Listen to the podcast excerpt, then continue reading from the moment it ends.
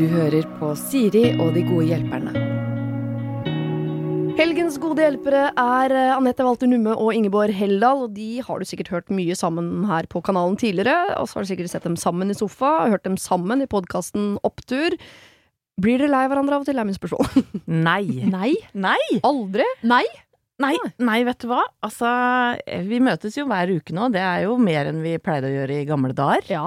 Og det er altså sånn at det kribrer. Nå klarer jeg ikke å si kribler er engang, for jeg blir så yr. meg at du blir Jeg har litt sånn små sommerfugler i magen. Ja. eh, Både fordi det er veldig gøy å podde, men også fordi det er alltid en fest å se Ingeborg. Ja, i like måte. Vi har litt sånn uh, girl crush på, på hverandre. Det har vi hatt i 20 år nå, og det Ja. går fader ikke over. Det er som et sånt utrolig velsmurt og vellykka ekteskap. Hvor ble dere forelska hverandre? Var det i, på Radio Norge, rett og slett? Eller? Nei, det er så utrolig søt historie, fordi eh, det var på eh, den piloten til Senkveld, når det var med HC og Tommy. Ja, og ja. jeg jobbet der som researcher, Ja. og så skulle vi lage en pilot, og så var det sånn Fader, hvem er det vi kan spørre som bare er sånn Som sier ja, og som syns det er gøy? Tenkte jeg da. Kjente jeg ikke Ingeborg så godt. Og du var så- gjest i piloten? Ja. Ja, ja. Og det er jo egentlig et litt sånn kleint spørsmål å stille. For eh, jeg vet jo at du er en travel dame, og, og han kan jo ikke si ja til alt. Men da møttes vi altså på en bar her i Oslo, og da eh, kjente jeg på meg at dette var noe til støkke. Både Nei, nå blir det for mye på inngangen her. Men, men det var liksom sånn Elsker rock'n'roll, fotball og glamour. Og, Og det er kombinasjonen og øl og deilig mat og slikker av saus på fingra. Og da tenkte jeg opp, jeg er solgt. Ja, men det er i like måte. Vi fant hverandre i en Ja. sånn felles uh, livsnyterfilosofi, eh, hvor askesen rett og slett ikke har noe plass. Den, har, den får ikke plass i vårt liv. I vårt liv er det utelukkende plass til kos og god stemning. I hvert fall når vi er sammen, da. Skal jeg si jo ikke at det er sånn 24-7, for livet har jo humper og svinger. Men når vi er sammen, så, har vi, så oppstår det en eller annen sånn deilig kjemi som gjør at alt blir gøy. Ja, for hvordan venninner er, er det sånn venninner som når dere er sammen, så er det bare latter og fjas? Er det mye sladring, eller sitter dere og uh, ganner livet? Baksnakker mennene deres? Uh, gråter på hverandres skuldre? Fordi man, ofte kjører man seg jo fast i sånn venninnemønster sånn Ja, når jeg treffer Ingeborg, da snakker vi bare om mødrene våre, for de er så jævlig. altså, man har jo Vi snakker bare om interiør, vi. Nei, det gjør vi i hvert fall ikke! Nei, for det klarer, klarer ingen av oss sånn kjempebra, egentlig. Nei. Vi er ikke så opptatt av det. Jeg, jeg kjenner på at vi framsnakker ofte eh, mennene våre, Veldig. og så kan vi sladre ganske mye. Vi slarver masse. Ja. Vi snakker pent om, om eh, gutta våre. Vi, eh, vi ler utrolig mye. Vi eter eh, non stop. Og så er vi også, tillater vi også hverandre å være skikkelig mørke og nedre, og det liker jeg godt av. Jeg kan være skikkelig nedre sammen med Anette, og så plukker hun meg litt opp. Altså det, det, du vet de fæle tinga man egentlig ikke kan si til noen, at man tenker kanskje oftest om seg sjøl. Ja. De må du ventilere hos noen, og det gjør jeg hos Anette. Og hun får meg til å føle meg bedre etterpå, fordi jeg er jo dust noen ganger. Og så kan Samme Anette her. si 'nå må du ta deg sammen', for nå er du bare Men så det er deilig å bare si det høyt, for da blir det mindre skummelt. Det gjør du med meg òg. Jeg tror ikke de aller fleste mennesker både tenker og føler helt duste ting, og så er det eh, noen som er flinkere til å holde kjeft om det den andre, men det er jo deilig å få ventilert litt på de der eh, aller liksom, dummeste tingene man får seg til å tenke og føle. Og så tror jeg det er viktig å ventilere det, for hvis du tenker altfor mye dumme, duste, mørke, fæle ting, og bare kapsler det inni deg, så, så kan Ja, det bli Da blir det farlig til slutt, så det er viktig å si det høyt. Tikkende bombe, og det vil vi ikke ha. Og så melder man seg på Farmen, og så blir man litt sliten der inne av noe havregrøt og noe greier, og da kommer det, ikke sant? Yes. Og da blir man gæren. Da blir man gæren. Dere, vi skal jo eh, ta tak i andre menneskers problemer.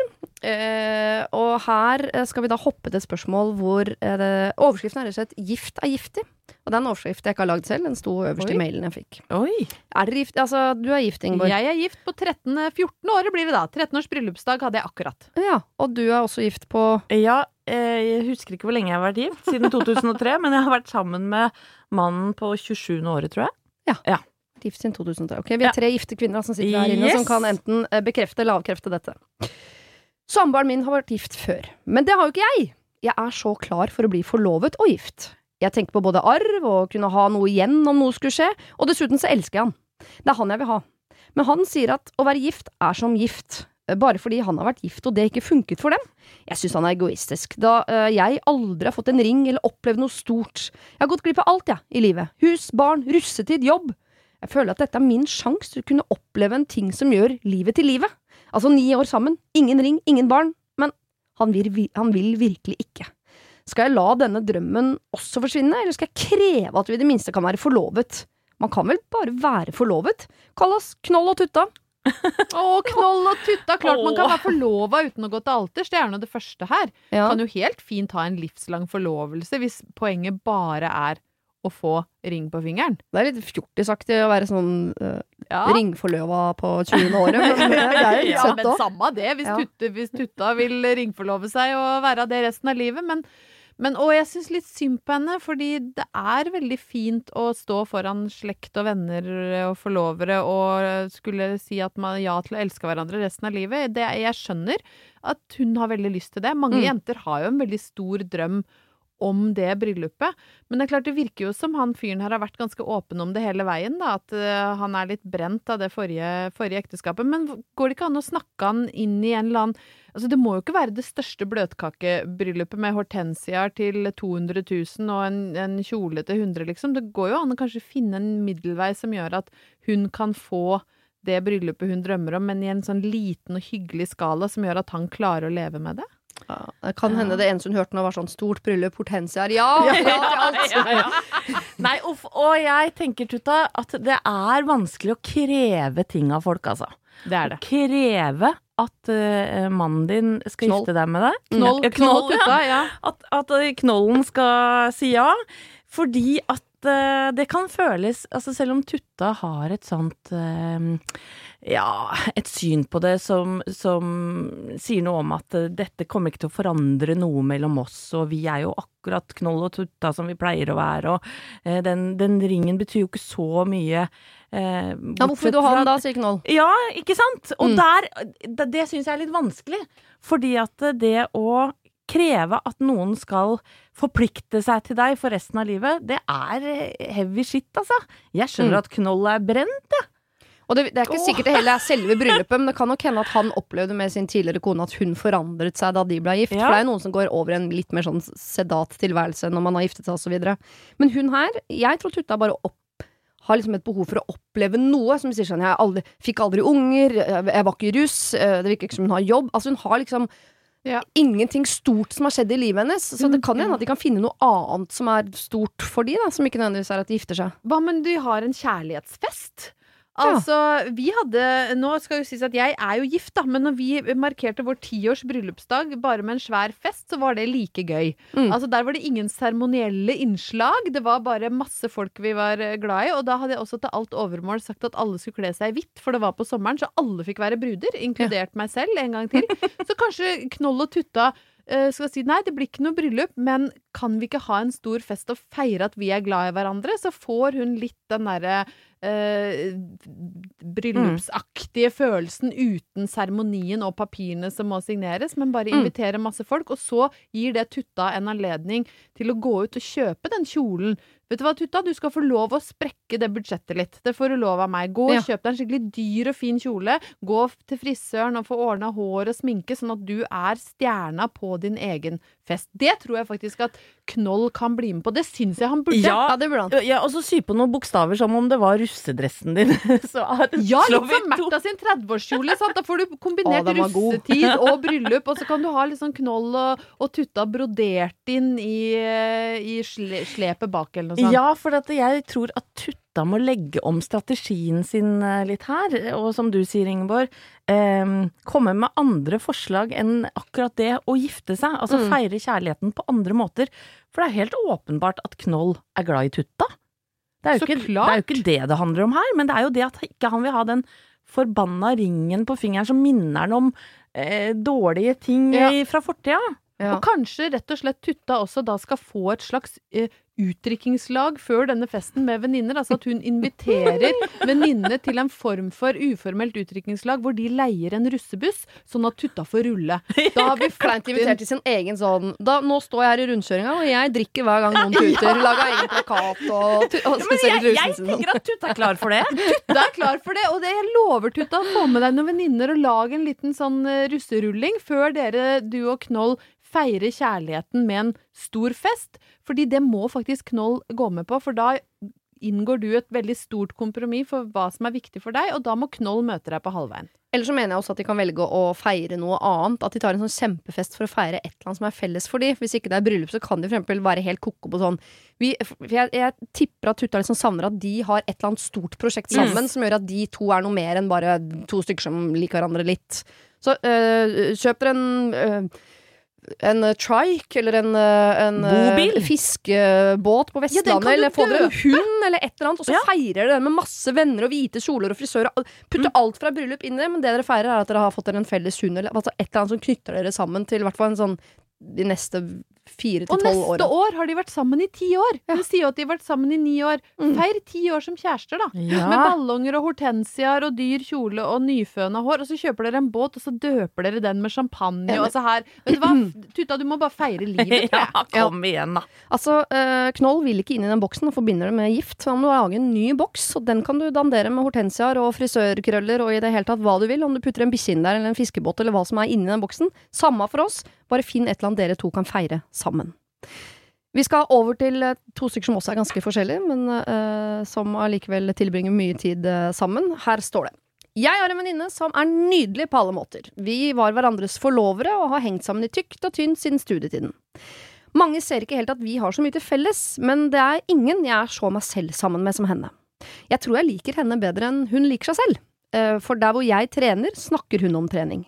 Der jeg er happy med min kropp, så er hun alltid på, jobb, eh, på jakt etter måter å endre sin på.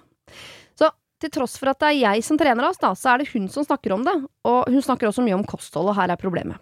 Jeg er ikke så opptatt av disse tingene. Og irriterende nok for henne, eh, antagelig, så kommer jeg fra en familie hvor vi genetisk bare er slanke.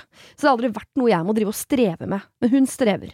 Og i denne strevingen har hun mange rare konklusjoner og klønete omveier. Altså, hun kjører lavkarbo tre dager og lavkalori resten. Faster en dag, og så spiser hun bare suppe. Altså, hun holder på i et hakkende kjør. Jeg kan litt om riktig ernæring, men føler ikke at jeg kan sette henne på plass når hun tar feil. Hun går på alle smeller innen trening og kurer, og noen ganger så har jeg bare lyst til å riste henne og si nei, det handler ikke om hvilken rekkefølge du spiser nøtter i, du må bare være i aktivitet og spise mindre enn du forbrenner. Eller skal jeg bare jatte med henne? Hilsen en som vil hjelpe, men jeg ser at jeg kanskje ikke er rette personen her, altså. Handler dette om meg? Ja, Jeg følte at det Og da mener mener jeg hun med problemet, altså. ja men det, problemet her er jo at jeg ikke er hun som trener. Ja. ja, Så det kan ikke handle om deg og meg, men jeg kjenner meg jo litt igjen i, i det der å, å låse seg i masse ulike strategier som du tror er lurt, og så miste interessen eh, for lavkarbo etter to dager og, og prøve noe annet. Det er jo Det vitner jo om en som egentlig ikke vil det nok, da. Ja. Og det kan være litt liksom slitsomt å sitte på sidelinja og se på folk som snakker veldig mye om at de vil noe, men ikke får det til. Så det skjønner jeg. For dette problemet kommer ofte inn fra kjæresten, som er lei av å se kona øh, drikke pulver hele dagen, og så klokka åtte på kvelden så henter hun fram en bagett som hun trykker rett ned. Altså, jeg må jo si at jeg er altså, sånn generelt lei av kroppspreik. Og jeg er en stor del av det sjøl òg, i hvert fall nå når det nærmer seg sommeren osv.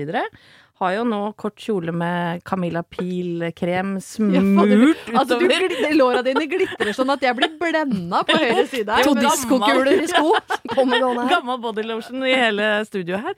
Nei, altså, man er jo opptatt av hvordan man ser ut. Punktum. Ja. Men, eh, men det er ganske sånn um, draining, for å bruke et godt engelsk uttrykk, eh, for venninna å høre altså kjeftamentet gå Mm. om denne kroppen eh, hele veien. Er det sånn at man burde hatt et felles prosjekt, da? At det er litt sånn at, eh, at eh, venninna tar av med på noe av det hun driver med? No, finne en sånn morsom treningsform som de kan gjøre sammen?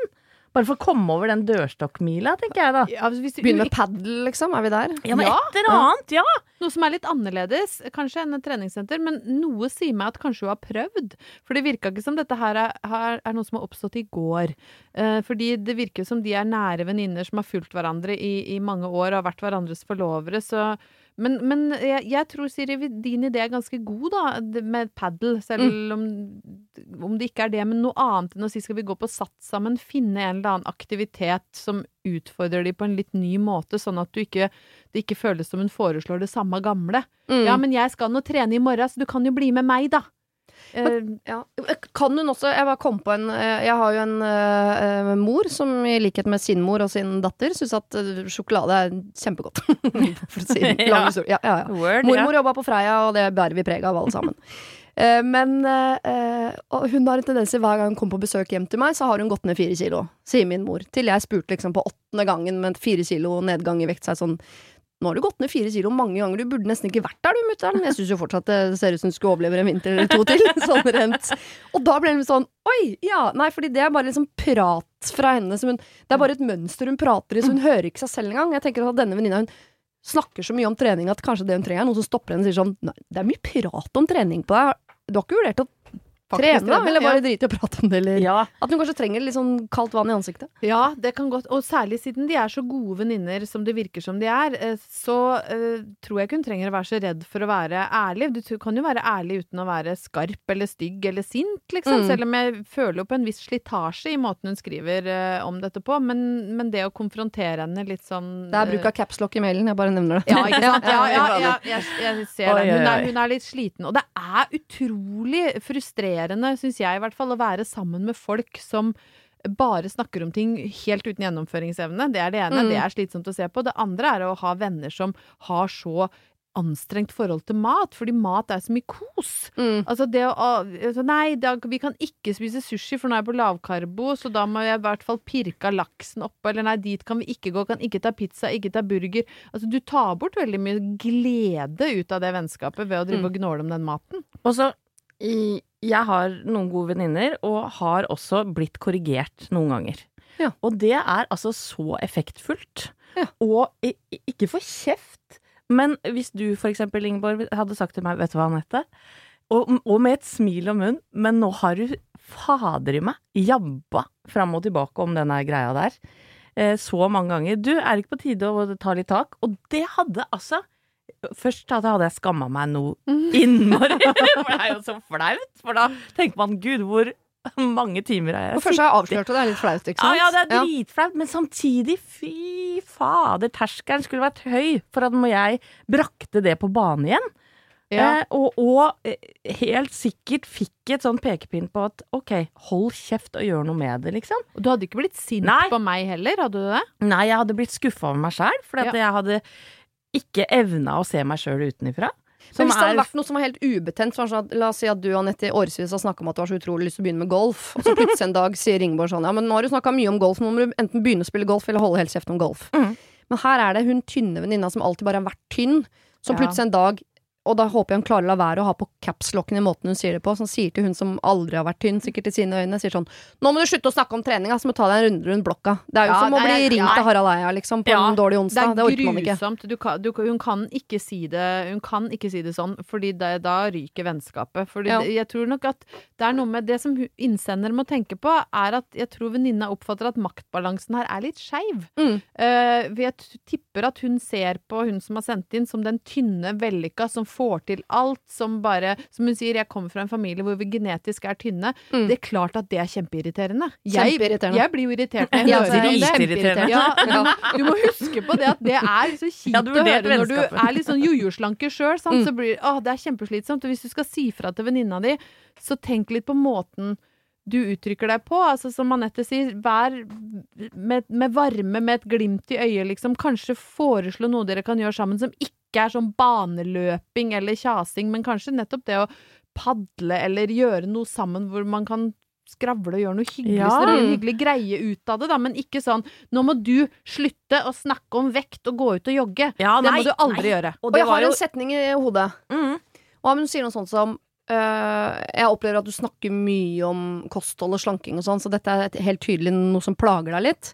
Eh, trenger du hjelp med det? For hvis du vil, så kan jeg, vi godt liksom drive med noe aktivt sammen en gang i uka, hvis det hjelper deg. Men hvis du he helst bare vil prate om det, så Ja, og, og kanskje Ja. snakke litt mindre om det med meg. Ja. Eh, Jo, men tror du ikke hun bare gjør det automatisk ved at Jo, man adresserer på en måte sånn Det har vært mye prat om trening i mange år nå. Har du faktisk lyst til å trene? I så fall så kan jeg hjelpe deg. Ja. Ja.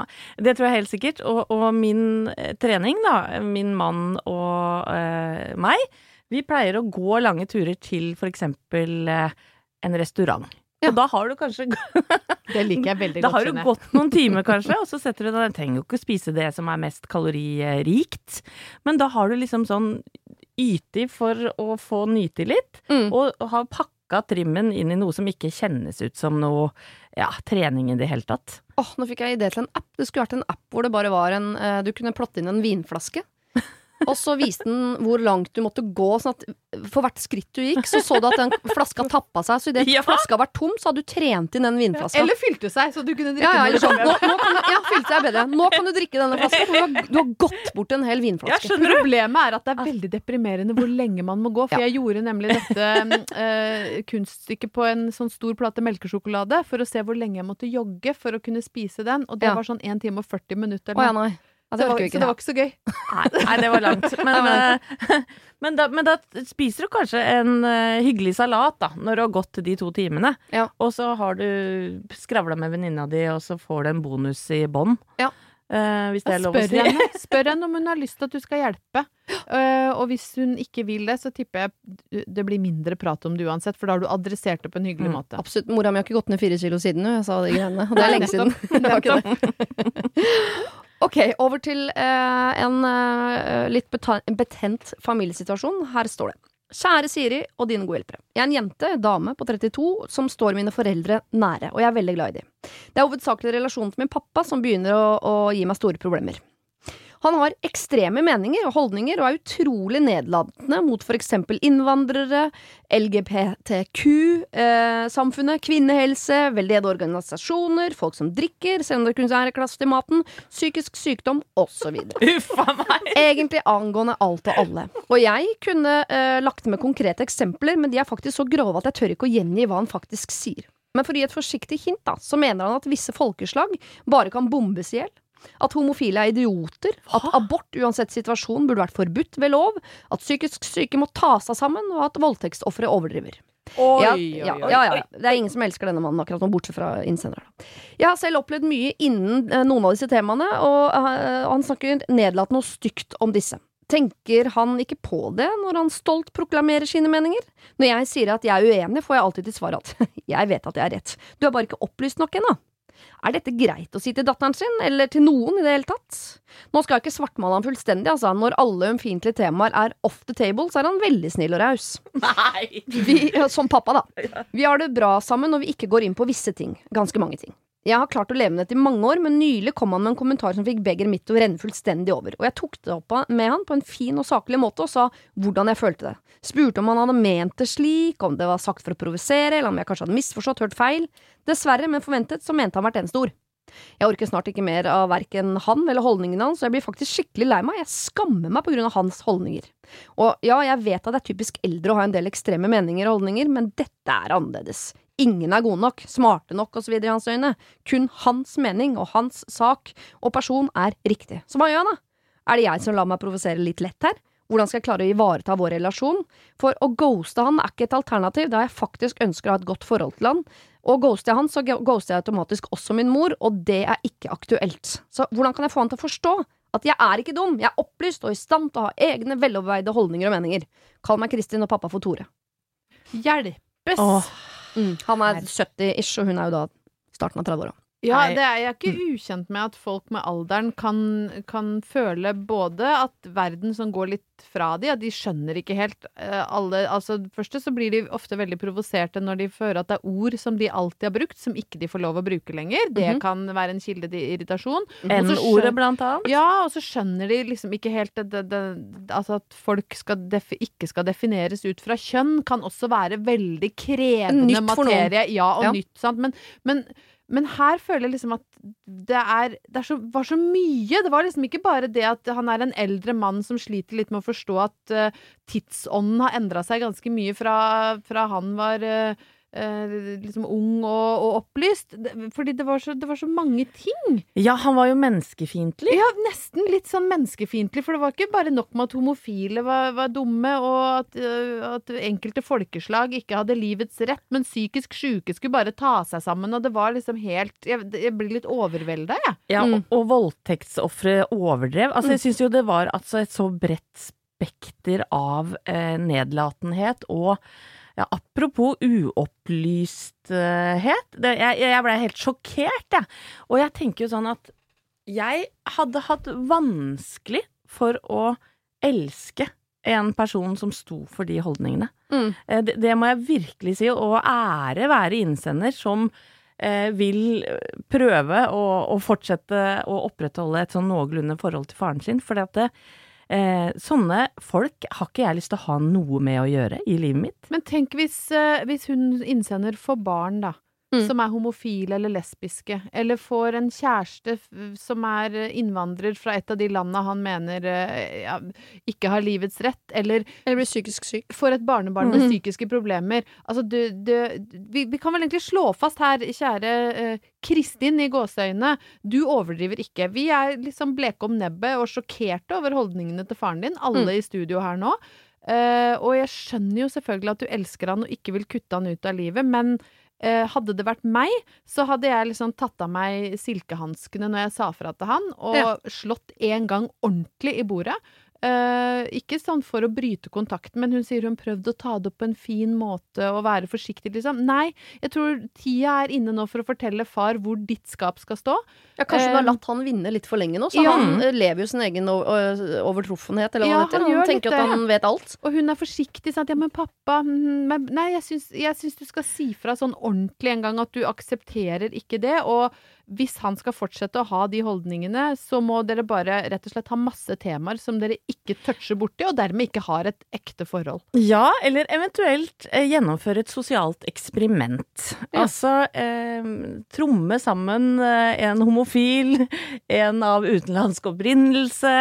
Eh, ja, noen gode venner. Jeg, de fleste har vel ganske sånn eh, rause vennekretser. Jeg får håpe Kristin har det òg. Og invitere mor og far på middag, eksempel. Ja. Og la han møte disse folka i levende live, for det er jo ofte sånn med rasister, hvis det er lov å si at denne mannen er jo helt åpenbart Ja, det det. er han jo. Og da er det jo sånn at eh, hvis du kjenner en hyggelig utenlandsk person, så er du plutselig kanskje ikke så rasistisk lenger, ikke sant? Hvis man sitter på med en hyggelig taxisjåfør eller truffet noen Nei, han var jo faktisk eh, noe helt annet enn det jeg hadde sett for meg. Jeg, Mm. tro, jeg trodde han var en tjuvradd og en eh, eh, mindre på en måte intelligent person, men det viste seg at han var Ahmed var skikkelig hyggelig, han! Mm. Og så tror jeg Men bruker ikke sånne her folk ofte det som et eksempel på, på sin egen regel? For jeg synes jeg ofte i møte med sånne mennesker sier sånn Å ja, jeg mener alt dette, men jeg er jo ikke rasist, for jeg jobba jo sammen med en fyr, jeg vet du, i gamle dager, så Ja, ja. han var jo skikkelig Ja. hyggelig, han. Sånn, Men jeg tror ikke Tore har møtt eh, et stort nok mangfold, da, for han vet, han vet jo ikke hva han prater om her. Nei. Eh, Nei, Tore har rett og slett mista det Ja, litt. Og det er Tore har veldig sånn det. trist å si, men det, Tore har eh, ikke tålt tidens tann. Og det er jo Tore som taper på dette her, egentlig, for hans Mm. verden blir jo veldig, veldig liten. Ikke Ja. sant? Og Kristin, det er det viktigste, tenker jeg, at du må ikke eh, la han få styre hvordan din verden blir. Du må fortsette å ha en stor og åpen verden hvor du ikke liksom går i hans retning, adoptere hans syn på ting. Og når du spør til slutt hvordan kan jeg få han til å forstå at jeg ikke er dum, jeg er opplyst og i stand til å ha egne veloverveide holdninger og meninger. Jeg, eh, jeg vet ikke hvordan, men det må du ha. Ja, ja, ja og, og vet du hva, det går jo ikke an å forandre folk. Nei, det er veldig, Jeg- veldig vanskelig. Det virker som Tore har satt seg litt fast i et spor her. Eh, og hvis du skal ha noe forhold til han, så eh, må du korrigere han, som du sa, Ingeborg, eh, på en sånn skikkelig eh, ja, tydelig måte. Ja, slå i Mm. Og si at det finner jeg meg ikke i. Gjerne gå fra bordet og si vet du hva, jeg kommer tilbake hvis Eller når du eh, slutter å prate sånn om andre folk. Mm. Eh, og ikke ghosten, men bare være tydelig på at det her finner jeg meg ikke i, altså. Det er ikke greit. Og pass på å være smartere enn han og stille han spørsmål, for jeg tipper hvis du går i dybden på noen av disse temaene, så kan han ikke så mye om det. Og hvis du kan da mye om det, så kommer han til å føle seg dum, men kanskje han kommer krypende tilbake etterpå. Og det er Kanskje. ikke så viktig for deg, Kristin, om uh, Tore forstår at du er opplyst og, og kan ting. Det viktigste er at du veit det sjøl. Mm. Jeg tror ikke du kan få Tore over på den der til at han sitter og sier 'vet du hva, Kristin, nå har jeg endelig skjønt at det er din virkelighet som er riktig, og du er opplyst', fordi han har låst seg i det. Mm. Og så hadde jeg faktisk også eh, begynt å invitere mor alene på ting. Ja. Altså passe på forholdet til mammaen din, som, eh, som ikke har havna i dette litt kjipe sporet som far. Eh, Mm. Ta med henne på Ikke veit jeg hvor de bor, da, men en gåtur bare dere to, eller på kafé eller på kino eller teater. Altså det som det er mulig å gjøre der, og så passe på å degge litt med den relasjonen til henne, sånn at Tore kan få kjenne litt på det også. Mm. Og så passer du på å ivareta forholdet til mamma, og kanskje snakke litt med henne om det og si altså, vet du hva, eh, det som skjer med pappa nå, det gjør meg vondt. Jeg Mm. syns det er skikkelig vanskelig. Tenker du på det? Kanskje dere sammen kan prøve å påvirke han fra to kanter? At det er litt lettere? Mm. Så håper jeg han blir tvunget inn i en hel del situasjoner, og han er nødt til å omgås disse menneskene som han forakter. Ja, ja det håper jeg inderlig. Vi skal eh, til en eh, gravid kvinne. Der har vi vel eh, vært, alle mann alle, i et rom. Mhm. eh, hei. Først litt om oss. Jeg og mannen min har vært sammen i snart fem år. Vi er 30 og 38 år gamle, og har to, han har to barn fra før. Tidlig tenåringer. Jeg er gravid! Og i og med at jeg tross alt er eh, 30, så var det helt sikkert på tide, det. Og dette barnet er etterlengtet, altså. Våre foreldre, besteforeldre, søsken, venner og kollegaer har alle ventet på dette. Mamma spesielt, som har mast og mast i årevis om flere barnebarn. I vennegjengen er det mange som har barn, og flere av dem har vært gjennom uønskede aborter og prøverørsbehandlinger osv. Mannen min er også veldig glad for dette barnet. Men det er ikke jeg. Jeg føler ingenting. Og når jeg tenker på det, ser jeg bare problemer og utfordringer. Det skal sies at jeg aldri har ønsket meg barn, det har aldri vært et behov for meg. Likevel så så jeg for meg at hvis jeg en dag ble gravid, så kom lykkefølelsen til å bare flomme over, at jeg kom til å google babysaker nonstop, at jeg kom til å strikke i alle verdens små nusselige klær til dette barnet osv. Men jeg orker altså ikke. Jeg har ikke googla noe som helst, og til mine tantebarn og gudebarn og sånn har jeg strikket masse tidligere, og jeg elsker å være tante og gudemor. Likevel så finner jeg ingen glede i å selv vente dette barnet. Jeg er over tolv uker på vei, jeg har selv valgt å eh, beholde barnet, og vi har ikke fortalt noen om graviditeten, ikke engang barna til mannen min. Men nå må vi snart gjøre det, altså. Jeg er relativt uh, lita, og det begrenser seg hvor lenge jeg kan skjule denne voksne magen. Men jeg orker bare ikke tanken på å fortelle noe som egentlig er en så gledelig nyhet, og som jeg vet andre vil bli lykkelig for når jeg ikke klarer selv å finne den samme gleden. Jeg kan jo nevne at fastlegen min strålte av glede da jeg for et par uker siden øh, var der, mens jeg ble sittende helt uttrykksløs med en stor klump i halsen. Så kjære dere, hvordan skal jeg finne lykkefølelsen? Å, du er Oi. meg! Jeg, Er det å, ja, så deilig! Altså, Ja. ja. Jeg, Mm. jeg eh, eh, Og så- skal man jo vokte sine ord veldig, sant, i tilfelle gutten min hører dette, fordi han er jo øh, lyset i mitt liv, og jeg elsker den ungen så høyt at, at jeg blir ko-ko av det. Men den dagen jeg liksom fant ut at jeg var gravid, så var jeg heller ikke sånn som rulla meg i lykkefølelse. Jeg, jeg gråt litt, faktisk. Mm. Jeg gråt fordi jeg tenkte nå Å nei, nå kan jeg, må jeg slutte med de tingene jeg elsker. Ja. Styre mitt eget liv, ha 100 frihet. eh, Og hele og graviditeten kan du få billig av meg. For å si sånn. Jeg var ikke en sånn glødende gusseklump som lyste innenfra, som bare gikk og trulta rundt og koste meg. Jeg gråt på helsestasjonen, jeg gråt hjemme.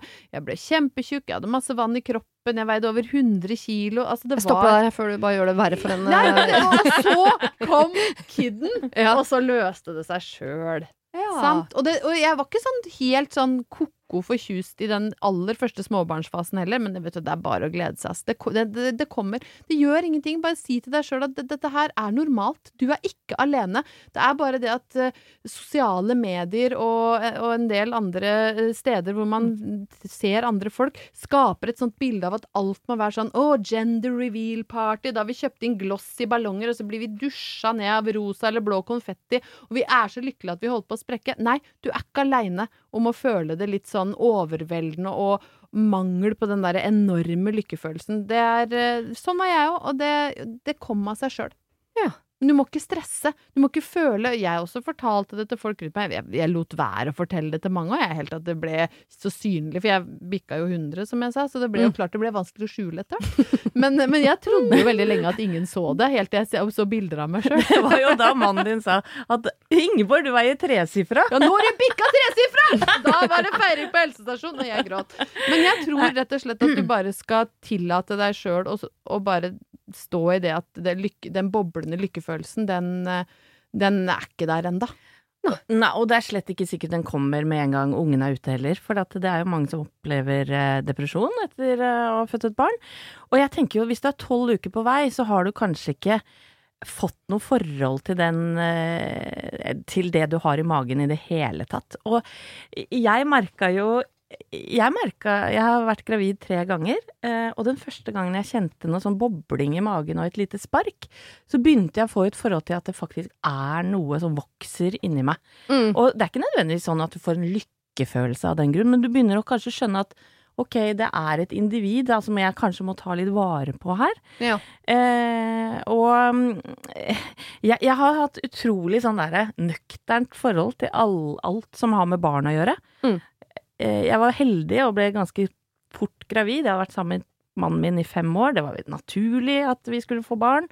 Eh, jeg vokste, fødselen gikk normalt, bank i bordet. Eh, og har vel liksom sånn kjent at eh, den euforien som mor har kommet fordi jeg nå har ungdom i huset. er det lov å si Så det sånn? gi deg ja. gi deg en gode 15 år, så, så så er du der. Men, Men jeg mener at eh, vi er så forskjellige. Vi er så forskjellige. Alle mennesker, alle mødre. Og som du sier, sosiale medier ljuger. Ja. Eh, det er så mye kan vi bare slutte? propaganda. Hold opp med det. Ikke, og det, det er fint at du ikke driver og googler så fælt. Kan du ikke bare prøve å oppleve dette og la det vokse mm, bokstavelig talt? Men det er jo ikke bare sosiale medier. Det er jo eh, eh, All kulturen har jo Ja. alltid på en måte vist den lykkefølelsen. Jeg tenker, Nå kjenner jo ikke jeg innsender her, men det er ikke sikkert hun er en sånn typisk sprudlende og lykkelig person heller. Jeg kan Nei. si sånn Nå er jo da eh, to barn, en på 11 og en på 9. De har jo aldri vært noe sånn «Wii!» og strikket og baka cupcakes og googla meg til blods. Det har jeg aldri vært, men jeg er jo like glad i barna mine som. Karoline Berg Eriksen. er Som er så, hvor alt bare er lyserosa, og det er konfetti hele tiden. Og da tenker jeg at eh, hvis du tenker at du ikke er glad i den barnet ditt før den lykkefølelsen er der, så er det helt feil. Ja. Det er altså man må ikke føle på Det er jo, vil jo alltid være Man er konstant redd. Mm. eh, man er eh, konstant liksom, trøtt i mange år der. Det er mye annet også, så lykkefølelsen Jeg vet ikke helt, jeg. Nei, men det er jo frykt, ikke sant? Det er Ja. jo frykt. for, hva, hvordan skal jeg eh, takle dette? Mm. Og det er klart at den kan knuge i hjel den lykkefølelsen. Eh, og så tror man kanskje at eh, all romantikken med mannen, ikke sant, da mister man hverandre som kjærester, og det kan man gjøre en periode, men ikke dermed sagt. Jeg husker at jeg hadde Det kommer vi tilbake til. Jeg har s- problemer Ja. med akkurat det. Noen som Ja. er i den, for å si det sånn. Ja. For jeg, ja, jeg drømte veldig ofte da jeg var gravid at jeg lå med andre menn, og det tror jeg var Nei, fordi Jo, men Er det du sikker på at du drømte det? Men det tror jeg fordi jeg tenkte at eh, fra nå av ut eh, så blir resten av livet mitt eh, Det er han og ungen og jeg. Ja. Og det, er, det skaper en viss panikk, det også. Ja. Er det lov å si? Ja, ja, ja, ja.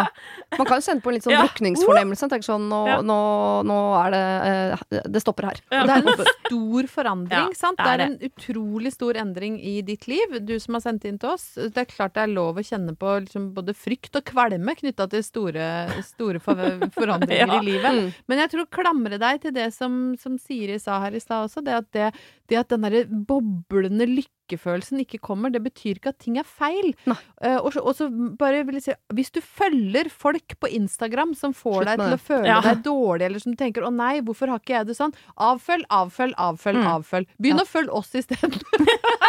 hvor det ikke er hvor det ikke Som er har onanerende ungdom i huset. Nei, nei, bare Og det er, vel, yt, det er vel ytterst få mennesker på denne planeten som ikke på et eller annet tidspunkt blir glad i ungen sin. Ja. Ikke sant? Du, Ja. er ikke en, du er ikke en av den promillen med Nei, nei, nei, nei. psykopater som går rundt på to ben på denne Nei. planeten, Nei, jeg tro Du kommer til å elske ungen din. Du må bare slutte å sitte inne og være redd fordi at du ikke kjenner på en oppkonstruert tanke om en lykkefølelse som kanskje aldri kommer. Jeg syns det virker rart å skulle være sånn utrolig glad i noen man aldri har møtt. jeg. Altså, det er jo, jeg syns ikke det er så veldig rart. Eh, Og så tror jeg også fordi hun skriver at eh, Hun har mange venner som har vært gjennom uønskede aborter og prøverørsbehandlinger. Altså hun har noen som har strevd veldig Mm. med å få barn. Det er klart når, når den da først sitter hos de, så har jo de antageligvis hatt en sånn konfettidag hvor de bare har ringt rundt og vært litt sånn euforiske på Mm. vegne av fordi, fordi de har prøvd så hardt. Eh, og det tror jeg blir noe annet. Og alle som er rundt, også når du er gravid, så er de sånn Wah! Det kan også være en litt sånn eh, Jeg sier ikke at det er en falsk reaksjon, men det er litt sånn som man tenker at det er forventet at man skal reagere. Jeg også med en gang jeg ser gravide mennesker så vidt kjenner, så, blir, så går jeg over i en sånn en personlighet jeg egentlig ikke har, som er sånn ja. «Ah!» Så jeg Ja, sånn, Hvem var du nå? Hva faen Ja. skjedde der? Også Fordi har- jeg tenker at det er forventet av meg. Og så har hun kanskje også litt dårlig samvittighet hvis hun er omgitt av en del som ikke har fått det til. Mm. Eh, når du da skal fortelle det til eh, Det blir litt som den sex og singelliv-episoden eh, som du for øvrig gjerne kan se på for å føle deg litt bedre, hvor eh, Charlotte har prøvd å bli eh, gravid eh, tusen ganger og spontanabortert hver gang, eh, og Miranda blir eh, gravid ved et uhell på en one night stand med, med en som har én fungerende ballesten. Ja. Eh, når hun da skal fortelle det, så, og i tillegg har lyst til å ta abort, så blir det en sånn klinsj mellom forventninger sant, om at det å få lov til å bli gravid skal utløse et skred av konfetti, Mm. mens det kanskje ikke gjør det for alle. Så, men ikke kjenn på det. Dette er ditt liv og din graviditet. Mm. Øh, og den derre boblende lykkefølelsen, den trenger du ikke sitte Nei. Og, ha angst for at det ikke kommer. Ikke men ikke tenk for mye på heller at skulle ikke den vært der, for da kan man jo bli mer lei seg enn man egentlig er. Mhm. Bare godta på en måte eh, der du er i forhold til de følelsene du kjenner på nå i graviditeten. Kanskje idet ungen kommer, så kan du fortsatt Det tok ganske lang tid før jeg kjente på en sånn enorm kjærlighet til mine barn. Jeg har Mhm. sikkert fortalt det før, men jeg hadde en test på meg selv første, etter første ungen kom, som var sånn og dette høres groteskt ut, nå er jeg veldig eh, ærlig her, men eh, greit. Hvis det kommer noen på døra nå og sier eh, vi beklager, men vi er nødt til å ta med oss enten mannen din eller barnet ditt, og du ser vedkommende aldri igjen, hvem velger du? Og da sa jeg for guds skyld, ta ungen! ja. ta med ungen! Og så tror jeg det gikk tre-fire måneder, så var det et, jeg husker ikke hva det var, men et eller annet vi har merket sånn at det barnet trengte meg mer enn bare liksom til å få mat og sove. Det var et eller annet som føltes litt sånn eh, dramatisk. Og etter det så fikk jeg sånn oi, her må jeg inn og beskytte barnet. Følte meg veldig nære barnet. Og da hadde jeg samme tankeeksperiment. Noen kom på døra med jeg må ha mannen eller ungen. Sånn, ta gubben. det går veldig fint. Men jeg tror det går litt i bølger, akkurat den der. Du kan prøve testen nå, så kan Det går litt opp og ned fortsatt. dårlig dag. Så ikke tenk at det er unormalt. Tre av tre her har kjent på noe av det samme. Den lykkefølelsen kan være skapt. eh, og eh, det kommer til å gå bra. Du kommer til å bli glad i den ungen. Mm. Og fortelle det på den måten du vil. Så ikke du forteller det i det hele tatt, så ikke fortell det i det hele tatt. Det kommer til å synes på et eller annet tidspunkt. Har du et problem og trenger hjelp, ja, så sender du det til meg. Da bruker du Siri, alfakrøll, radionorge.no. Dere skal nå få muligheten til, dette er bare tankeeksperiment, altså, bytte liv i en uke. Ingeborg, du skal leve Anettes liv, og motsatt. Og det jeg er nysgjerrig på, er hva dere gleder dere til, og hva dere gruer dere til i den uka som kommer. Jeg gleder meg til eh, å være sammen med Thomas og ungene til Anette, som er utrolig søte og fantastiske folk. Og jeg tipper at de ville gått litt mer på tå når jeg var der, enn når Anette var der. Så de sikkert oppført seg kjempefint! Hvorfor det? Fordi du er litt mer fremmed, eller fordi du er strengere?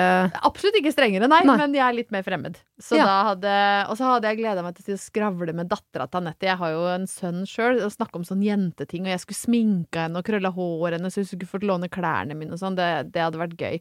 Og så har Anette den fineste terrassen i Oslo, for du har så utrolig fin utsikt. Så jeg skulle sitte på terrassen og bare nytt å være deg.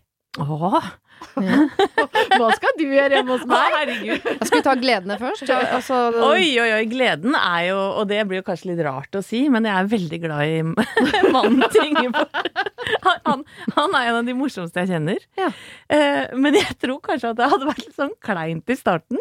For at vi er alltid sammen når vi er fire, ikke sant? Ja. Og jeg tror kanskje han hadde blitt litt sjenert. Så jeg tror jeg kanskje hadde jeg måttet jobbe meg inn noen dager Varme han opp litt? Ja, Ja. rett og slett sånn Og komme litt over den derre er det en lyd du lager når du varmer opp? jeg bare, bare hørte for meg at han var litt sånn Sitter der og mm, mm. Vil du, vil du ha noe mat, kjære? Ja, nei, nei. Men um, Så da jeg dere begge to til å leve med den, den andres mann. ja, faktisk. For det er eh, en ordentlig opptur. Og så hadde jeg uh, syntes det vært innmari moro å bli kjent med, med sønnen til Ingeborg, for han er altså som Han er elleve år, Ja. men noen ganger så føles det som å snakke med en sånn moden 25-åring. Ikke sant? Oh. For han er så interessert i musikk og i kultur kultur, og han er så belest.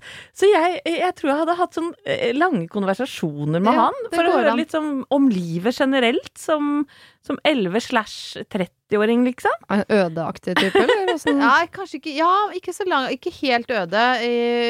For vi er, er, det er nok litt mindre frikete hjemme hos oss, men han er ganske sånn eh, han er ganske språkmektig. Når han var to år, så øvde pappaen sammen eh, sånn at eh, de gleda seg til jeg skulle komme hjem fra jobb, da.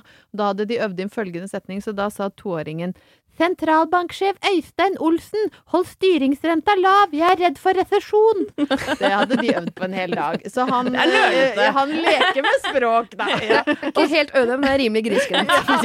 Ja, ja, så hadde jeg selvfølgelig gleda meg til å bo midt i byen, for det gjør Ingeborg. ja. Eh, midt i Oslo. Altså sånn, og nå når det er så fint vær, å drive og spankulere rundt i gatene der og ta ei lita eh, ei, en liten tørr hvitvin på hjørnet, det sammen med mannen din. Nå ble det feil det igjen. unner jeg deg. Det unner jeg deg. Ja. Men, og dere, nå virker det som dere kategorisk unngår å si hva dere gruer dere til. Nei, jeg har Eh, jeg gruer meg til. til. ja. Ja, jeg gruer meg til å vaske klærne til hele familien til Anette. Ja. Mye sokker og truser. Å, herregud, det er så med god Og å lage så mye middag til alle Ja, sammen. Og og- jeg er jo vant til å lage sånne små, lette asiatiske retter til tre.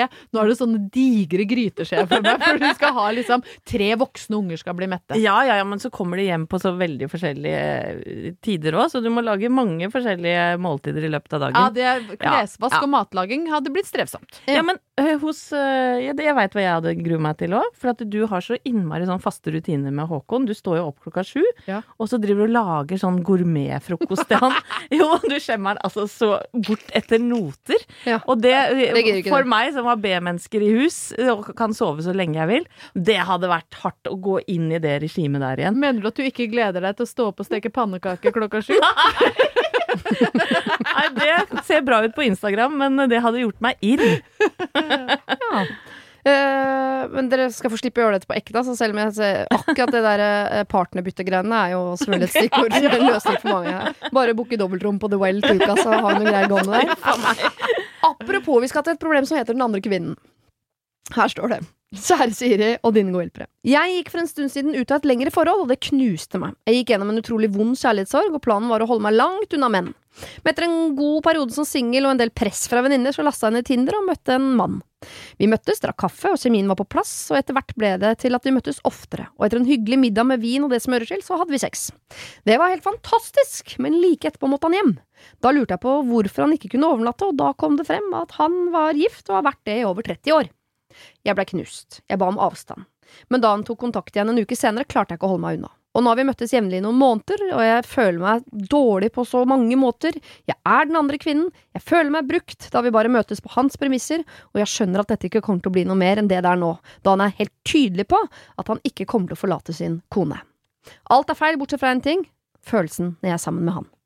Jeg skjønner at dette må ta slutt, og det er akkurat det jeg trenger hjelp til. Jeg føler meg avhengig av han og følelsen han gir meg, og jeg skjønner virkelig ikke hvordan jeg skal klare å la være å ta kontakt, ikke svare når han ringer. Det er nesten så jeg vurderer å flytte, men på grunn av livssituasjonen og ellers, altså jobb og familieforpliktelser, så er ikke det mulig. Hjelp meg med å bli kvitt denne mannen. Siden alder ofte er et spørsmål hos dere, så kan jeg si at jeg er i slutten av 30-åra, han er i midten av 50-åra.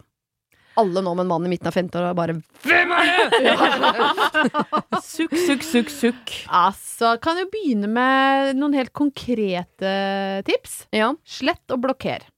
Altså, du må blokkere ham fra alle apper hvor du kan treffe han. Altså, det vil si, eh, hvis du følger ham på Instagram, eller eh, blokker og slett. Facebook, blokker og slett. Telefonnummer, blokker og slett. Det er som å slutte med dop, ikke sant? Den der Ja. følelsen som bra sex og forelskelse utløser i deg, er jo, kan jo sammenlignes med en form for rus, sant? Nå må du på avvenning fra denne bikkja av et mannfolk som bare utnytter deg. Og så skjønner jeg at kanskje at du blir litt sånn eh, Kanskje du kom ut av et forhold hvor sexen ikke var ti av ti, for du understreker jo i, i, i problemet her at det var så sykt bra sex. Mm. det kan du få med single mannfolk òg. Det Ja. fins menn der ute som er eh, bra i senga. Hvis ikke så får du gå og kjøpe deg en womanizer oppå kondomeriet i, i pausa. Det er orgasmegaranti. Ja, og så kanskje treffe menn, eh, single menn som er rundt 50, da, som har eh, god erfaring i senga, og ikke gå på de 20-åringene som er, det er liksom tre jokk, og så Så kommer du. Nei, men altså, apropos sexen, da, bare for å ta den først. Men jeg er så hjertens enig, og jeg har jo vært den venninna som har eh, kommet med disse rådene. Ja. Ved flere anledninger. Har altså hatt venninner som har rota seg borti gifte menn. Eh, og det er vondt eh, å innrømme det, men det har jo Det har jo ikke alltid gått sånn kjempebra. Nei. Nei, det, det gjør jo veldig sjelden det. Det er det som er greia her, og det skjønner jeg jo òg. Ja, for jeg har vel til gode faktisk å oppleve Dette er vel kanskje tre tilfeller i min omgangskrets, og ingen av disse har blitt eh, liksom den første kvinnen. De har endt opp som den andre Mm. forsmådde kvinnen, eh, og har bare brukt jævlig mye tid av det verdifulle livet sitt på å eh, rote med dette her. Mm. Og du blir jo bare lei deg av det, ikke sant?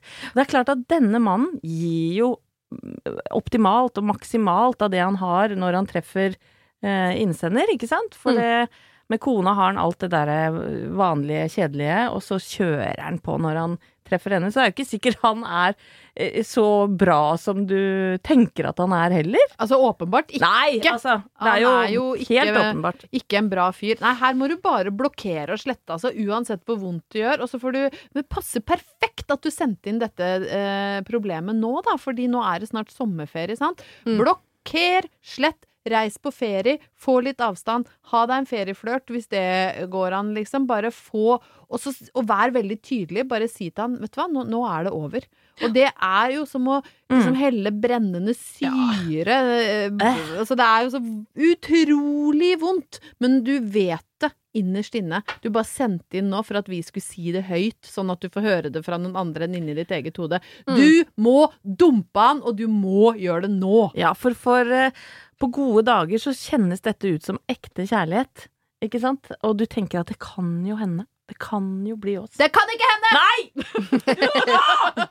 Men sånn sett er han jo eh, game, for han sier jo dette også. Det blir ikke oss. Han er ikke game! Nei, men han, han er jo litt game mot henne, som hvert Ja. sier fram det. At han ikke kan drive og lover henne sånn Kanskje det blir oss Han en dag, driver jenta og mi, og sånn. kamuflerer rasshøloppførselen sin med at han er ærlig. 'Jeg har vært tydelig fra starten på hva jeg er ute etter.' Nei, du er et rasshøl! Det er sånn menn og damer gjør. Sier mm. 'Nei, jeg har vært åpen fra starten'. Nei, fy faen, liksom. Det holder ikke. Det holder ikke. Men kan det være eh, hjelp for henne å tenke på også at eh, lyst Har du- rope 'nei, det kan ikke være til hjelp'! eh, i, I rekken av alt som er slemt i dette her, så er det jo også noe at han er jo Nå vet jo ikke jeg hva, hun vil, hva du vil med livet ditt osv., men eh, han er mann 50, har kone og unger og ting er på stell. Nå driver han bare og trør vannet til han skal dø, ikke sant. Vi er i den fasen av livet. Jeg håper han hørte det. ja, ja. Min mann er også 50, så jeg føler at jeg kan si det uten at det blir for sent. Mens du er jo 30, har jo ikke har ingen av disse tingene. Du kan ikke bruke opp tiden din nå Nei, nei, nei. Nei. på han. Det er det jeg Og det- mener. Og du opererer jo nå i et plaskebasseng som er så mye større enn hans. Han burde takke fuglene for at han får lov til å ligge med deg. Mm. Du er 30 år, du ser dritbra ut. Altså, du kan operere fra 25 til 55. Altså, verden er ditt plaskebasseng. Ja. Du må ikke kaste bort tida på han nissen her som bare padler vannet til han skal dø. Det var det slemmeste jeg har sagt på lenge. Men et kontrollspørsmål bare på Nei, det er ikke et kontrollspørsmål, det er eh, et spørsmål. Fordi sier eh, øh, blokker og slett og ikke svar, ikke sant. Det er vi enige om, det er det hun må gjøre. Ja. Mm. Men skal hun si fra til han om at nå kommer jeg til å blokkere og slette deg, fordi det er ikke bra for meg at du er i livet mitt, og det vil jeg at du respekterer. Jeg hadde sagt det. Ja. For Hvis ikke så virker det som at hun er sånn, og hun er sint, og så kanskje han da finner fram gitaren og så nedafor uh, verandaen hennes en dag. Så er det sånn herregud, han gikk rundt alle blokadene mine, det er bare meg han vil ha. Ja, han Nei. kommer til å bli kåt uh, av å bli sint, ikke sant? eller sånn. Ja, eller, Ja, eller bli trigga av det, selvfølgelig. Så nei, du må, du må si det på en sånn veldig ålreit måte, faktisk. Nei, du må si det på en strengt, veldig tydelig. Strengt og tydelig. Nei, men ikke Nei, men Ikke nødvendigvis, men bare sånn helt sånn nøk Jeg ville vært sånn nøktern. ja, For det, det, gjør enda, det gjør enda vondere Helt å være enig. sånn streng og sint. Mm. Så hvis du er sånn nøktern og sier sånn Du vet hva, nå er jeg, fe- jeg er helt ferdig jeg, med det greiene her nå. Nå er du Å, god, det er så deilig! Ja. Å, det er så deilig hevn. Og kanskje pirk på noen ting du vet han sliter med. Sånn. Vet du hva, jeg, nå, Her om dagen så jeg Ung Pung, og da, da jeg klarer jeg ikke å gå tilbake til deg. Det blir, Ja, det var Ja, et godt uttrykk. Ja. Ung pung! Ja, ja. Har du bare vant med druer, så vil du ikke ha rosiner. Fy faen! Lille lørdag 1994. Jeg elsker det. Ah, jo, men man må være eh, ikke sant? Det er lett man skal være tydelig og bikke over til å bli litt slem, men det tenker jeg du kan unne deg. For Ja, nå har han vært ja. slem med deg lenge, så du kan godt spille på noen ting som er Ja, litt ja, ja. slemt, bare for å få han på avstand. Yes! Ja. Blokk og slett. Hvorfor dropper flere gutter enn jenter ut av skolen? Hvorfor begås 70% av alle selvmord av gutter og menn? Og hvorfor blir færre gutter og menn diagnostisert med psykiske lidelser? Ikke fordi de ikke har problemer, men fordi de ikke ber om hjelp. Vi må snakke om gutta. Hallo, Siri og dine to flotte hjelpere. Jeg har fått inn et problem fra Stian på 36 år, og han skriver Jeg har en leder som utfører hersketeknikk på jobben. Språket er veldig overkjørende og med en jeg vet best-fremtoning på stort som smått. Selv på områder hvor jeg har mye mer kunnskap og erfaring enn han. Sjefen er bedre med ord enn meg, og ethvert forsøk på å stå opp for meg selv føles som et nederlag fordi jeg ikke blir lyttet til likevel. Dette tærer på meg, og jeg er redd for at jeg en dag eksploderer av frustrasjon. Jeg er i en situasjon hvor jeg ikke kan risikere å miste jobben min, eh, så da blir jeg gående og grue meg til jobb og bite tennene sammen i frykt for hva som skjer om jeg forsøker å ta det opp igjen. Har dere noen råd i slike situasjoner? Nyttig info. Det er ingen ledere over han igjen som jeg kan ta det opp med, og vi har ingen HR-avdeling eller lignende. Vi er en liten bedrift med få ansatte, og jeg mistenker at flere opplever det samme som meg. Men vi ansatte har ikke snakket med det oss imellom enda. Ok, så jeg stryke de tingene jeg først noterte. Sånn, ta kontakt med HR, stryk. Gå til lederen over han, stryk. Bytt jobb, stryk. Hva står vi igjen med da? Vi står igjen med innsender eh, Jeg husker ikke om han sa noe navn. Stian men 36. Stian 36 må kanskje rett og slett eh, finne seg eh, noen redskaper sjøl som gjør at han bedre klarer å leve med det, fordi eh, for jeg også hadde jo notert alle disse punktene som, eh, som vi da rett og slett må, må bare stryke fra lista. Men, men for det er veldig vanskelig. Det er en kjempekrevende situasjon uh, å stå i. Det er vanskelig å ta det opp, uh, og det er vanskelig å ikke eksplodere, som han sier. Men jeg tror kanskje at, at han må prøve å finne en måte å leve med det, altså sjøl. Finne noen redskaper inni seg som gjør at han klarer å liksom lukke øra eller overse de eh, hersketeknikkene, mens han stille og rolig på sida ser seg om etter en ny jobb. Ja, for hvordan Å stoppe noen som bedriver hersketeknikk, er jo øh, Er det liksom møte hersketeknikk med annen hersketeknikk, eller? Hvordan fluffer man en Nei, for, for da skal du være så trent, ikke sant? Så, sånn da og man blir jo så sårbar eh, når man blir tråkka på og eh, sett ned på. Og, og, og jeg begynner jo ofte å grine i sånne situasjoner, selv om jeg nå er runde 50. Eller, eller jeg kan komme dit, da, fordi jeg føler meg så urettferdig behandla. Mister munn og mele. Så virker det så håpløst. Altså, man Ja. føler, altså, uansett hva jeg gjør. Mm, jeg, jeg tror at eh, som du sier, Ingeborg, at eh, jeg tror man må lage seg noen scenarioer eh, i hodet. Enten få hjelp til det, jeg vet ikke om man kan gå til Fins det noe sånn derre som kan trene deg på det området? Jeg vet ikke. Bedriftscoach, liksom. Ja, ja. sånn. ja, Ja, kanskje. kanskje oppsøke en coach eller en, en, sånn, en psykolog med liksom arbeidsliv som spesialitet. Da. Det høres veldig voldsomt ut, men, men det er faktisk uh, ikke så dumt. Uh, fordi det, det, det trenger ikke bety at du at det er et nederlag, eller at du ikke funker, men du trenger bare at noen kan hjelpe deg å finne noen redskaper som gjør at du ikke føler deg liten, tråkka på, undervurdert, eh, fordi denne sjefen får du nok dessverre ikke forandra.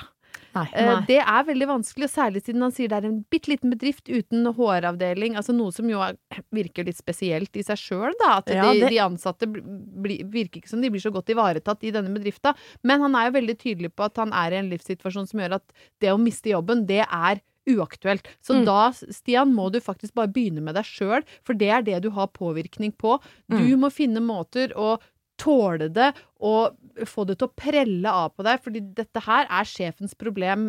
Altså, det, virker som en elendig sjef. Det er ikke din skyld, Stian. Kan det hende her at det er litt sånn to Ikke to alfahanner som krasjer, men det kan hende i og med at Stian også sier at det er en del ting her som jeg faktisk kan bedre enn han. Mm. Kanskje sjefen veit det, at han er en sånn fyr som syns sånn Det er flaut. Mm. Så det er ikke sikkert han er en eh, ræva sjef mot alle og for alle, men i møte med Stian når han vet at her er jeg, jeg er din leder, men jeg er egentlig litt underlegen deg fordi du kan fagfeltet bedre enn meg. Mm. Så for å i det hele tatt litt sånn små gneldrebikkjer som møter store, hvor de, bare, de må bare glefse for å, for å overleve.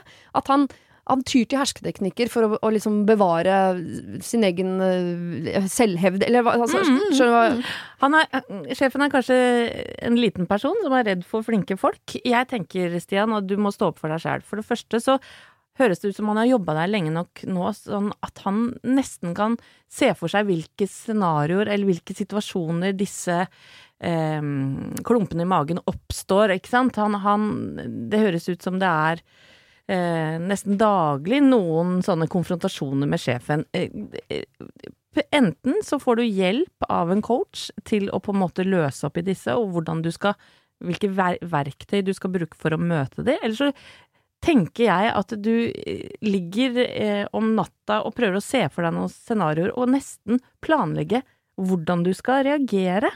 For det handler litt om det, tror jeg. Og så vet ikke jeg, så kjenner jo ikke jeg Stian, men jeg opplever jo at det å ta ting med humor, og ikke gå liksom rett i den derre konfrontasjonen og prøve, altså møte en besserwisser med en annen, men bare ta det eh, litt humoristisk og, og latterliggjøre sjefen din på en litt sånn måte du ikke kan bli tatt på. Mm. Det syns jeg ofte er et eh, det, jeg, jeg, jeg har klart å snu noen personer som ikke jeg tenkte at eh, han eller hun kan ikke jeg jobbe med. Og så har jeg funnet en teknikk for hvordan å arrestere på en sånn ekstremt tilforlatelig måte. Mm. Enten skryte av sjefen og si 'fy fader, det var et kjempegodt forslag', Ja. eh, og bare sånn De bruker nesten raushetens hersketeknikk tilbake. Mm. Eller eh, finne noen humoristiske Hva heter hun i Dagsnytt 18? Sigrun Sigrid Sollien? Sigrid Sollien, Ja, ja, ja. som har skrevet en bok om hersketeknikk. Mm. Kunne man sånn wink-wink litt sånn Hvilket kapittel i hersketeknikkboka er du på? Ja. Ja, det kan godt hende. Men da blir han jo avslørt som en fyr med hersketeknikk. Det kan Ja. hende han går fullstendig Jeg, jeg tror ikke du skal gå så direkte på det, men bare ta, eh, ta Begynn å møte sjefen din på en annen måte, for dette må starte med deg, Stian. Mm, det må det. Jeg, jeg, jeg tror det er sånn du må dessverre eh, se på det. Og det kan også være nyttig noen ganger hvis det er ting som er viktig for deg i, i jobben, å lansere ideer som eh, virker som de er din sjef sine, men de er dine. Altså det å Det er jo sånn man får barna til å ta på seg de klærne du vil om morgenen, ikke sant. Det er å få de til å tro at det var deres idé.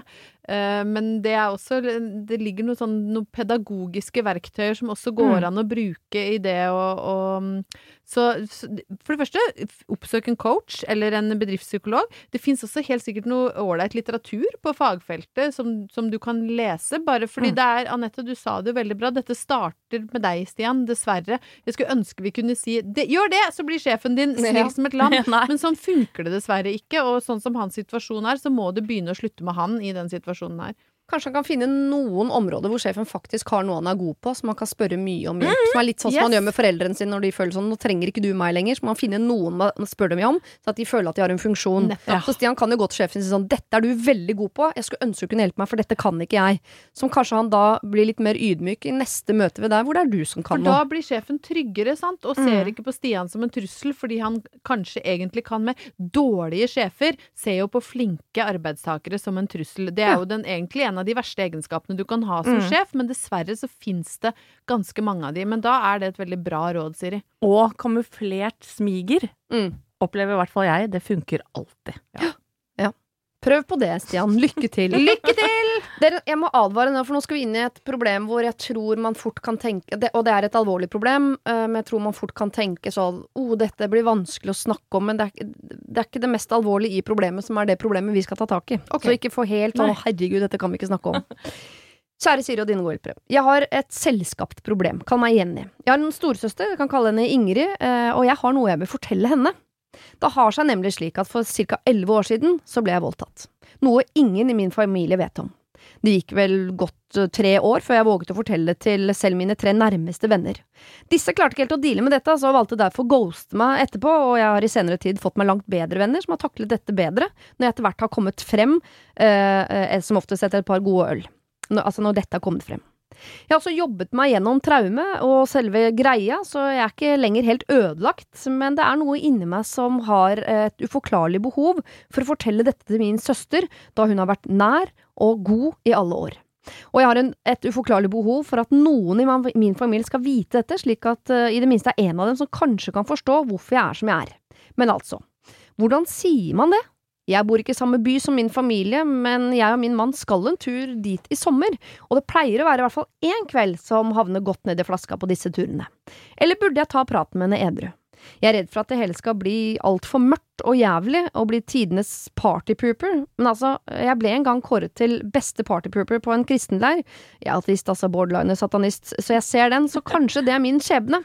Så long story short, hvordan skal jeg fortelle min søster noe jævlig uten at det blir helt jævlig? Oi, oi, oi. Jeg tenker at man kan unne søstera si en kveld med partypooping. Ja. Ja, Ja. jeg tror ikke du skal være redd for å være partypooper her, for vi snakker tross alt om livet ditt. Ja. Eh, Så den ene kvelden med partypooping, det tror jeg søsteren din tåler. Jeg tror faktisk at hun vil bli eh, veldig på en måte rørt eller glad for at du har tillit nok til å fortelle det til henne. Mm. Hvorvidt du skal gjøre det med eller uten alkohol, det er jo liksom litt vanskelig å vurdere. Min, min første tanke er jo at sånne alvorlige temaer ofte resonnerer best når man er edru. Mm. Men folk er forskjellige, sant. Kanskje trenger du en, en pinne eller to for å senke skuldrene tilstrekkelig til at du klarer å si det, så det er det bare dere som veit. Mm. Jeg, et, timing er jo alltid viktig uansett om man, hva man skal ta opp, men jeg tror ikke det fins Altså, søsteren din skal være relativt ræva menneske hvis du uh, en kveld forteller henne noe sånt, og hennes reaksjon er sånn Det var veldig til festbrems på deg, ja, du. Nei, det, nei, det tror jeg ikke. Det tror ikke jeg heller. Nei. Uh, og, og i og med at det er et såpass Altså mm, Jeg har jo eh, drukket med mine søsken, jeg, og ofte kan jo det ja, hvis, hvis det blir for mye alkohol, så kan man jo begynne å krangle plutselig, ikke sant. For det er sånn Mm. rollefordeling i familien og sånn. Men dette temaet, det kjenner jeg på at det, med mindre, som du sa, Ingeborg, eh, søstera di er skikkelig ræva menneske, så reagerer hun eh, på dette tar det jo som en tillitserklæring at lillesøster forteller dette. og Kanskje hun, hun til og med blir lei seg over at hun ikke har fortalt det før, og at hun ikke har kunnet hjelpe henne, osv. Antagelig. Men, det er en av sånn Ja. typisk vi snakket om tidligere i dag også. Det er en sånn følelse hun antageligvis vil få, men som jeg håper hun ikke sier høyt. Ja, Mhm. helt riktig. Um, men altså, Jenny, jeg tror jo du vet best hvordan du er med alkohol, og hvordan Ingrid er med alkohol, og hvordan og hvor dere prater best sammen. Og så er det vel å kjenne litt på det, da, for jeg regner jo med at du må ta litt sats for å orke å fortelle dette her. Jeg bare, min motforestilling mot å gjøre det eh, på en fest med alkohol osv., er at sannsynligvis er det flere til stede. Ja. Og dette er noe dere ikke kommer til å snakke om sånn eh, i to minutter. Dette kommer til å bli en lang og vanskelig prat med gråting osv. Det blir Mm. det nok. Og, og skulle gjøre det uten at resten av de som er til stede, lurer på hva skjedde. Og hvis du vil dele dette med bare søsteren din, at ikke alle de andre også lurer på og spør etterpå hva var det, og hva snakket dere om, Mm. hva var det hun sa i går, og hele den så tror jeg det er bedre at dere to gjør det på et tidspunkt hvor det er dere to. Og det, jeg, hvis jeg først skal ta opp noe Det er veldig sjelden jeg gjør. Jeg bare ber alle andre om å gjøre det. Så, men hvis jeg gjør det, sitter jeg enten i bil eller går på tur. Fordi Ja. da slipper jeg i hvert fall å se folk i øya. Ja. Og det er så mye deiligere hvis man bare er ute og går. Foreslå det, da. Mm. Du skal på fest på kvelden med søsteren din, men på dagen der, eller dagen etter, gå en tur. Ikke se henne i øynene. Da slipper du det, og så tar du sats, og så sier du det. Veldig godt poeng. Eh, Uten sammenligning for øvrig, så har jeg sånn lange bilturer med barna mine, blant annet. Hvor det dukker opp altså de rareste samtaleemner, for da slipper de å se meg inn i øya. Mm. Og så sitter de og forteller og bombarderer ting de har gjort og ikke gjort og skulle sagt og ikke, ikke sant. Og det er veldig verdifullt. Og jeg vet at det er flere som opererer sånn, for det Ja, du slipper nettopp den derre intense nærkontakten på et eller annet merkelig vis. Jeg har innført mobilforbud i bilen når vi bare er to, altså en voksen og et barn, for jeg, nettopp fordi jeg vil at de samtalene der skal dukke opp. ja, det er veldig fint. Åh, nei, eh, det virker som om eh, vi, vi vil jo at hun skal si det. Ja. Eh, antageligvis når hun reiser opp dit i sommer. Eh, men helst når du er sammen med søsteren din alene. Og antageligvis edru på et eller annet tidspunkt hvor de slipper å se hverandre i øynene. Mm. Kanskje før den festen og ikke etter. Ja, for da Spørs om hun kan- klarer å holde seg hvis du vet at i morgen skal jeg si det, i morgen skal jeg si det. Oi, der sa jeg det! Og så blir du full, og så sier, har du sagt det Ja. likevel. Så før festen så, så kan kanskje festen også bli litt sånn forløsende på kvelden. At eh, den veldig intense samtalen mellom dere får da en slags sånn avrunding, og så kan dere gå, gå videre derfra. For jeg opplever at det er viktig for Jenny at søsteren også forstår at jeg har deala med det, men jeg Mm. trenger at du forstår hvorfor jeg er som jeg er. Ja. Så har hun muligheten på kvelden til å på en måte være eh, bare igjen igjen, hvis du skjønner, uten at det skal være en sånn uh, samtale som foregår hele det døgnet. Mm. Det tror jeg jeg ville gjort. Ja, høres lurt ut. Siste spørsmål her. Eh, Dette er et ganske langt problem. Jeg prøvde å kutte det, men klarte ikke. Alt virka fryktelig relevant. Alt var relevant, og vi har vært innom det før. Dette handler også om dette barnet. Er det lurt eller ikke lurt, og lykkelig, ikke lykkelig, osv. Jeg håper dere vil hjelpe meg med mitt problem. Det vil si, det er ikke et problem for meg direkte, men jeg tror eh, det er jeg som må gjøre noe med det. Samboeren min føler nemlig at jeg ikke vil ha han. For å begynne med litt eh, bakgrunnsinfo. Vi har vært sammen i ni år, bodd sammen i de fleste av dem, og vi trives sammen, har like interesser, samme humor, jeg føler jeg kan snakke om alt. Jeg er ikke alltid like flink til å sette ord på mine følelser, men jeg prøver så godt jeg kan. I fjor sommer fikk vi en datter, selvfølgelig en stor berikelse i våre liv. Jeg har vært oppslukt i henne siden hun kom, og jeg ønsker bare det beste for henne, og det gjør selvfølgelig han også.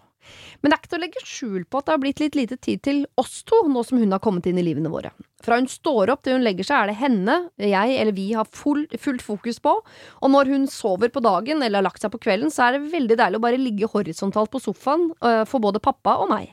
Det er derfor øh, slik det blir de aller fleste dager i uka. Så til problemet. Samboeren min føler at jeg ikke vil ha han, og nå tror jeg det har begynt å gå utover selvfølelsen hans. Han er ikke fornøyd med kroppen sin, og påpeker ofte at han ønsker å trene mer og spise sunnere.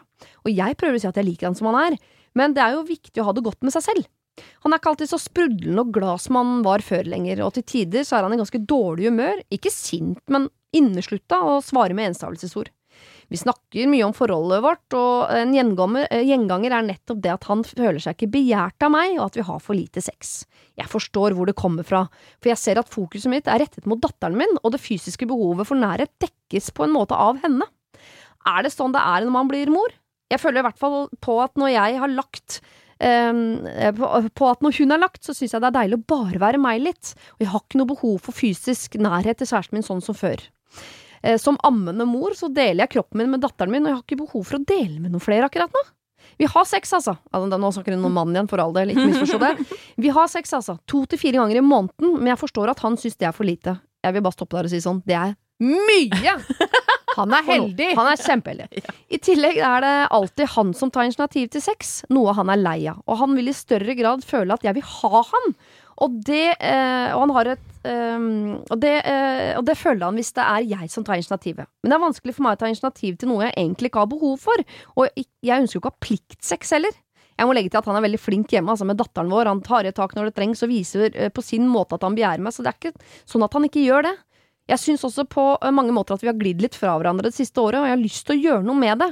Men løsningen for samboeren min er mer sex, og det er ikke det jeg trenger. Jeg savner den daglige kommunikasjonen. Fleipete tone, sporadisk kos og kjærtegn, tid til hverandre, god stemning. Når frøkena sover, bruker vi bare tid på å være for oss eh, selv og holde på med, hvert, eh, med vårt. Jeg tror vi har kommet inn i en ond sirkel der han vil ha mer sex for å få forholdet opp og blomstre, mens jeg ønsker at forholdet skal blomstre, fordi da vil vi, les jeg, ha et større ønske om å for eksempel ha sex. Vi er fullt klar over at dette er en ond sirkel, men vi kommer oss ikke ut av den. Så hva gjør vi da? Kall oss hva dere vil.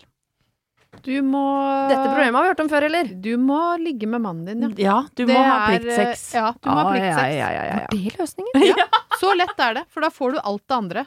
Da kommer det som en perle på ei snor. Men de har jo sex inntil fire ganger i måneden. Ja, er han, hyppig, han tar initiativ hver gang. Det er ikke antallet ganger som er problemet, vet du. Det er det at han aldri blir sett eller begjært. Hun, han føler at, han har, at hun har pliktsex med han to til fire ganger i måneden. Det er Ja. ikke noe gærent med det antallet.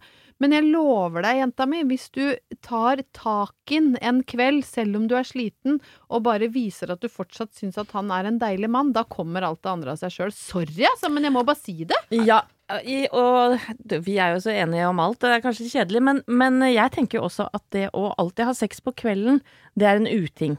Man må, der må man eh, legge om litt, faktisk, for da er man så trøtt og sliten, og som, du, som hun sier her, da er hun så fedd på nærhet.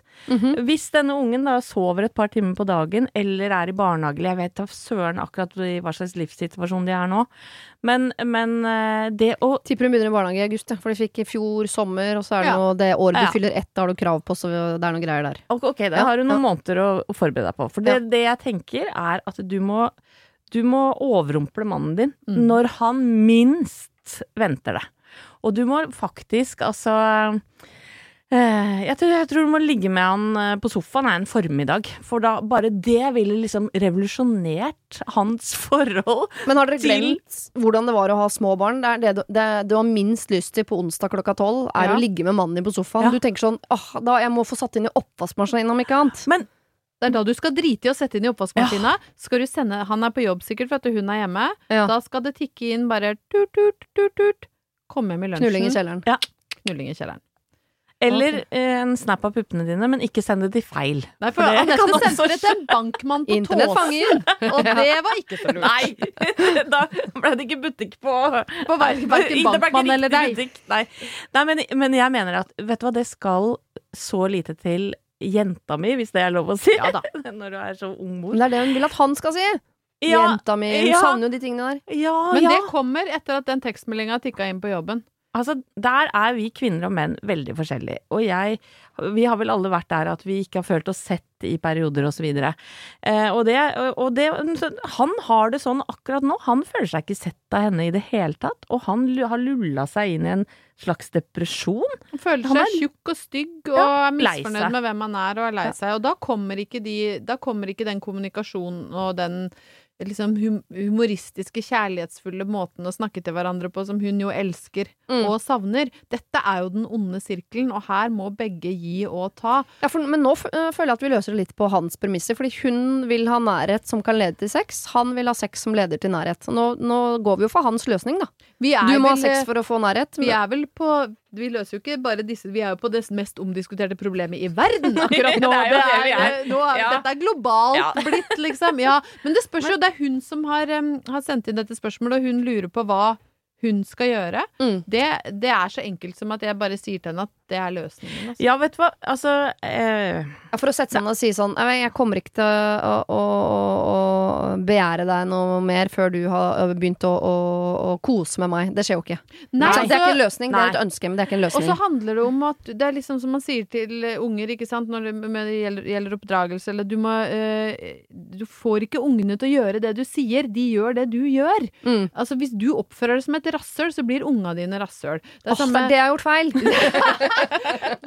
Og du kan ikke si til han 'jeg skal begynne å begjære deg straks du begynner å koseprate med meg'. Du må vise altså det, Han Ja. sier det jo veldig tydelig. Han savner å bli begjært, han savner å bli sett. Han føler seg stygg og mislykka fordi hun ikke har lyst på han lenger. Og så er det jo i faresonen her, ikke sant. De har akkurat fått et barn. Det er så lett at man glir inn i forskjellige verdener, og så klarer man ikke å få hull på den byllen her, da. Men så tror jeg det at eh, Altså, vi snakker jo litt av erfaring her òg. Jeg har jo vært sammen med disse mennene våre i ganske mange år nå.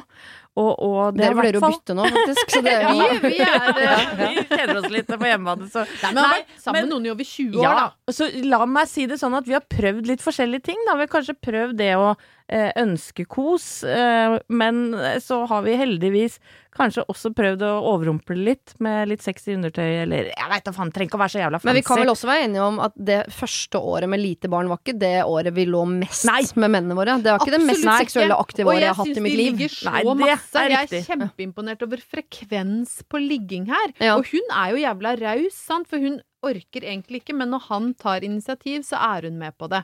Mm. Uh, og det er tommel opp, altså på alle måter. Men problemet er jo det at han også har gått seg inn i et spor hvor han føler seg lite attraktiv og må trygle om sex, og det er jo helt drepen. Mm. Sant? Så hvis, altså, jeg tipper at hvis du tar initiativ, så kan du slippe unna med mindre ligging. Ja, han Men du bare du, kommer du til å bare- bli så glad. Ja!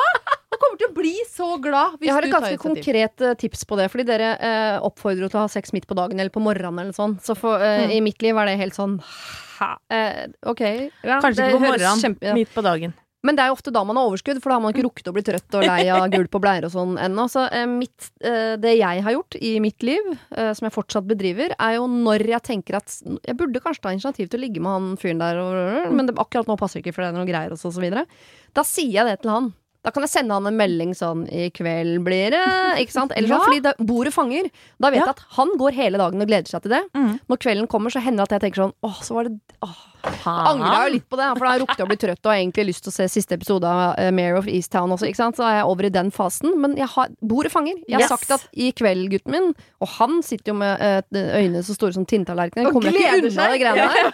Og da må man levere varene på kvelden. Og da opplever han det som om jeg har tatt initiativ, bare fordi jeg har ymtet tidligere Ja. på dagen. Mm. Og så er det han som kjører showet på Men du syns er jo det er veldig veldig når du først kommer i gang, Siri? Ja, ja, det er veldig få ligg jeg har angret på. Nettopp. I hvert fall med han. Det er bare at du må komme Ja. Ja. Men du må komme i gang, Fordi det kan jeg kjenne mange ganger òg. At jeg kan være litt sånn trå og jeg, ma, Trå og få i gang maskineriet, på en måte. Ja. Men jeg angrer jo aldri. Og så Nei. blir jeg sånn etterpå bare Men herregud, hvorfor gjør vi ikke dette hele tida? Det er jo helt topp! Ja. Og så er det jo veldig deilig å være nær mannen sin, sant? Ja. Og det, det binder dere sammen. Så, så det høres kanskje litt sånn overfladisk og enkelt og nesten litt sånn kvinnefiendtlig ut at vi sitter her Du må ta initiativ! Mm. Men, men det, det kommer fra hjertet Mm. og fra et godt sted, og fra erfaring fra to som faktisk har vært sammen med tre. Du har også vært sammen med mannen din kjempelenge. Ja. I snart 20 år ikke sant? så har vi vært sammen med disse gutta våre og fått det til å funke. Så vi, vi gir jo gode råd. Og det må ikke være penetrering, hvis det er lov å si hver gang heller. Det kan være